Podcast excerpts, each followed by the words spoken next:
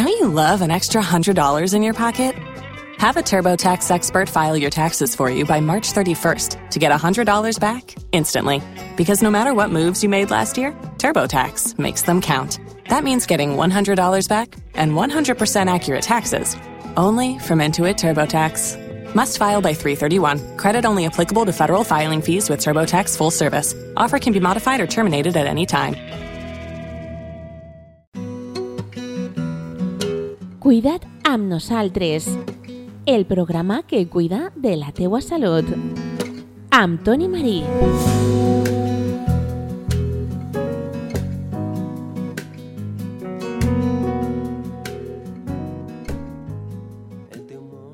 Hola a totes i a tots, estàs en el programa Cuida't amb nosaltres, un espai dedicat a la salut que pots sintonitzar a ràdio La Veu d'Ondara en el 107.4 de la FM. El nostre convidat d'avui és l'ondarenc Sergi Mesas. Ell és fisioterapeuta i ell ha vingut als estudis de ràdio La Veu d'Ondara per a parlar sobre la seva tasca diària. Saludem al nostre protagonista d'avui, Sergi Mesas. Bona vesprada, com estàs? Bona vesprada, Toni. Molt bé, gràcies. I tu què tal? Molt bé, és un plaer tindre't així perquè a més t'he conegut personalment perquè no et coneixia personalment. I jo m'alegre de, de conèixer a la gent del meu poble. Per El tant, és un dic. plaer. Sergi, com dic, tu eres fisioterapeuta. I jo, abans que començarem esta entrevista, t'he preguntat sobre què podíem parlar. I jo t'he preguntat, què és el que fas habitualment? Quin tipus de tractament sols fer i, sobretot, dirigit a què? I tu m'has dit, podríem parlar de dos línies, no? Quines són aquestes dues línies d'actuació? A veure, jo parlo un poc més del meu cas i jo eh, faig serveis a domicilis i podria dir que em trobe eh, principalment dos tipus de pacients. Per una part, podríem dir que tracte eh, pacients neurològics o geriàtrics, eh, pacients que normalment són majors, de 65-70 anys, i ja comencen a tindre alguna, eh, alguna patologia neurològica com eh, Parkinson, demència senil, eh, alguns casos que també són més joves d'algun ictus, i hi ha, eh, per una altra part, eh, els pacients purament geriàtrics, que són que per la raó que siga, aquestes persones ja no fan les seues funcions del seu dia a dia i intentem que eh, tornen a elles amb la major funcionalitat possible.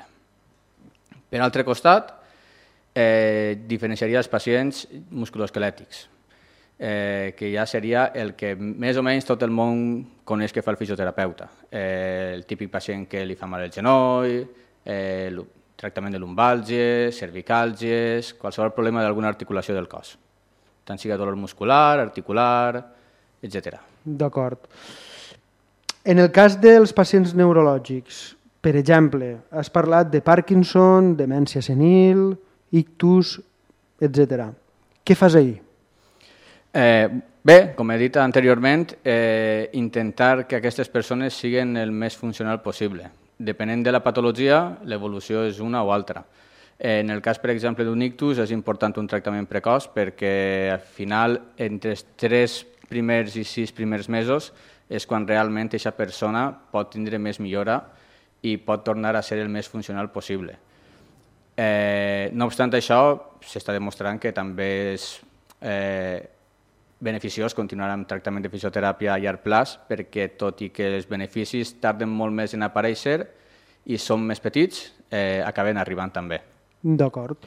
En cas de Parkinson, eh, aquesta patologia té diferents presentacions i, i depenent de l'afectació es pot treballar més o menys i sempre amb ajuda del neuròleg. És a dir, si eh, li donen un tractament farmacològic el qual no ha pogut funcionar correctament, eh, la feina en fisioteràpia es complica molt més.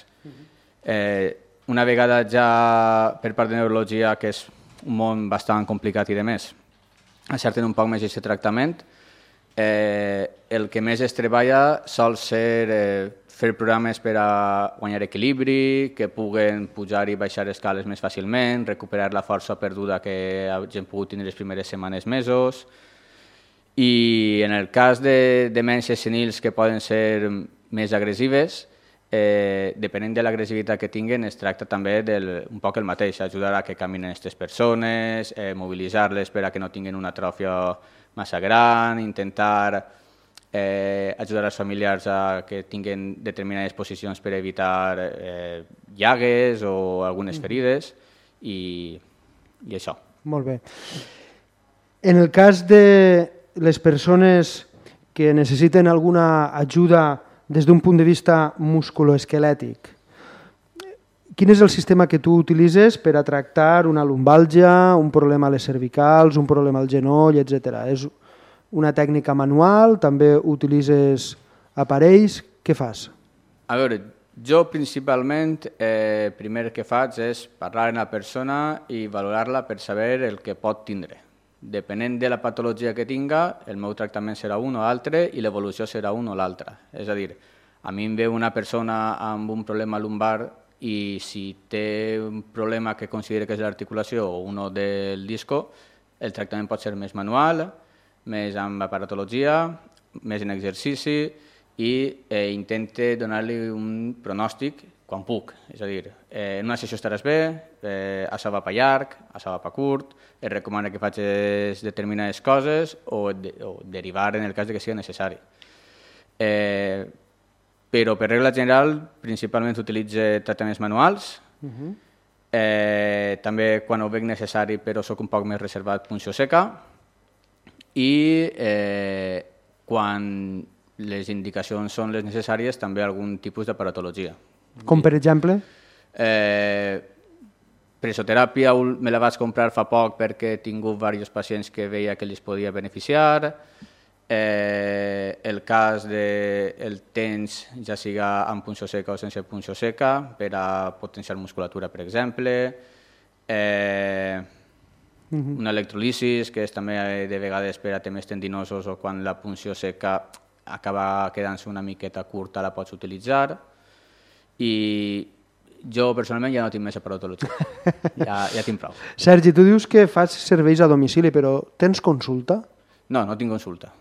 Vaig començar amb el tema de fer domicilis fa menys d'un mes i de moment em dedique a, a fer domicilis simplement. I com va la cosa, bé? Eh, millor de l'esperat, la sí? veritat.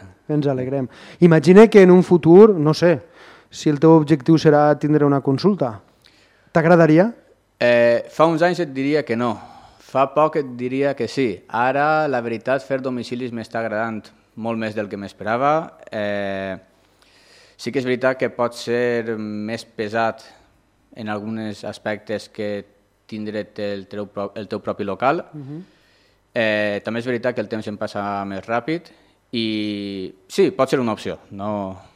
Vale. Ni confirmo i desmiento. I com arriben a tu? A través del boca a boca? Eh, o com? Imagine que boca a boca principalment.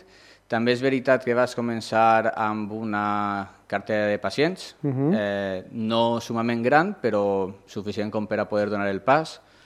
I, i la veritat que algú per redes socials eh, també m'ha contactat, que no m'ho esperava. Després parlarem sobre xarxes socials i com la gent pot posar-se en contacte amb tu. Però tornant al tema de les patologies, Sergi, si parlem, per exemple, de patologies musculoesquelètiques, què és el que majoritàriament veus? Crec que en això sí que els fisios tindrem una opinió unànime. Serà principalment eh, lumbàlgies i cervicàlgies i en el meu cas ja després va un poc més depenent de temporades. Sol ser muscle i genolls, eh, les altres articulacions més afectades, però de repent una setmana eh, tens quatre persones amb mal de, de canell o de muñequeta, eh, un altre dia de repent tens tres esguinços, uh -huh. eh, uh -huh. I quines poden ser les causes més freqüents eh, que una persona puga tindre lumbàlgia o problemes a les cervicals o problemes al genoll? Quines són les principals causes? Perquè has comentat abans que primer t'agrada parlar amb la persona i que t'explique què és el que ha ocorregut i a partir d'ahir tu ja intervens. Imagina que t'explicaran què és el que ha ocorregut per arribar, per exemple, a una lumbàlgia o a un problema en el genoll. Correcte. Al final, la lumbàlgia és dolor lumbar. És a dir, eh, la font del dolor pot ser de diferents llocs. Pot ser l'articulació, pot ser el disco, pot ser un múscul, pot ser una hèrnia del disco també, i aleshores dins de lo que intentem saber, pues, diferenciar perquè el pronòstic serà diferent. Eh, per exemple, pues, eh, en el cas de les lumbàlgies, a mi si em diuen que eh, estic collint taronges, eh, he collit moltes, molt de caixons de taronges, eh, m'he catxat i he flexionat l'esquena moltes voltes amb molt de pes i de sobte m'he enganxat i tinc un dolor eh, pues, eh, lo, no localitzat sinó difús per tota la lumbar, que molt agut, que no puc moure'm, pues jo puc sospitar de que l'origen del dolor és el disco, i això té un pronòstic. En canvi, si el dolor m'ha aparegut perquè m'han cridat per darrere, jo m'he girat i em fa mal sols un costat i de més, pues sospite d'una altra cosa, que mm -hmm. podria ser l'articulació que estigui irritada. Si pot ser perquè estàs sentat molt de rato i et fa dolor la lumbar i de més, i, tam, i quan et mous estàs millor, pues pots sospitar que pot ser falta potenciar la musculatura lumbar. Mm -hmm. En cervicals un poc el mateix. El més habitual és el dolor de l'articulació, que lo habitual és també quan tu pues, et gires de sobte i, i notes com una punxa o una llàtiga al coll i, i a veure, sense assustar-nos, són en principi bons pronòstics, que en poc de temps eh, estàs bé. Uh -huh. I en quant a genoll, per exemple, doncs el menisc diria que és el, el que mana, sol ser el més habitual en quant a dolor, i també el que es diu el dolor patelar o síndrome femoropatelar, que és dolor per la part de davant del genoll. D'acord. I per a previndre aquest tipus de situacions, què recomanes? A, a veure, s'ha intentat previndre molt i no s'aconsegueix. Així que, eh, a priori, per temes de dolors d'esquena, tant cervicals com lumbars, eh, pareix ser que tindre una vida activa, no sedentària, i això ja no és feina meua, però també el tema d'uns bons hàbits com no fumar o una bona alimentació, al final sempre suma una miqueta. Eh, després, pues, per tenir una vida activa tens que fer exercici i eh, exercici al fi i al cap es tracta de que principalment fer el que t'agrada. Eh, després ja pots combinar amb exercicis de força i de més per potenciar la musculatura, però si fas algo que no t'agrada acabes deixant teu i, i tornem a lo mateix. I, i a veure, ojalà podria dir més coses, però principalment, Bàsicament com a això, tip, no? diria això, tindre una vida activa, intentar dins de lo possible sana, al final tots tenim els nostres desmadres, que de vez en quan no passa res, però i realitzar exercicis. Eh, S'han fet estudis d'exercicis específics per l'esquena i de més i la gent eh, pot ser que es torni a enganxar alguna volta. Per tant, Prevenció 100% com a tal no existeix, però sí que la gent que té bons hàbits sol tenir menys dolor en el futur que la gent que té mals hàbits i, i és sedentària. Estem entrevistant l'ondarenc Sergi Messas, ell és fisioterapeuta i és el nostre protagonista avui al programa Cuida't amb nosaltres. Sergi, per què vas decidir ser fisio? Bé, una història també prou habitual. Jo em pensava que era especial, però el primer dia de carrera em vaig donar compte que era un del montó. Que jo, jugant a bàsquet, eh, em vaig fer mal al genoll i em vaig trencar el lligament creuat anterior i el menisc. Em van operar dues vegades, vaig anar a provar al fisio i dic, bueno, pues, pues m'agrada. I, I per això vaig decidir anar a estudiar. Vaig anar a estudiar a, a Reus, en Tarragona, i i allí, el primer dia de classe, la primera professora ens va dir vull que em digueu per què heu estudiat fisio. I com jo n'hi havia 20. I després, per altres lesions, n'hi havia 40 més. Així que... ja. I, Sergi, una vegada vas acabar la carrera, abans de començar a fer estos serveis a domicili, has treballat en algun lloc? O has treballat amb algú en alguna consulta sí. a càrrec d'una altra persona? Sí, sí, jo he treballat, he sempre contratat per uh -huh. altres empreses. Eh, jo vaig acabar, eh, els meus pares volien que estudiara un màster, però jo no sabia quin. Sabia quin no volia, però no quin volia. I eh, vaig començar en, en Ondara, precisament, en Cati de Bos. O sigui, vaig començar en, amb ella, fent unes hores.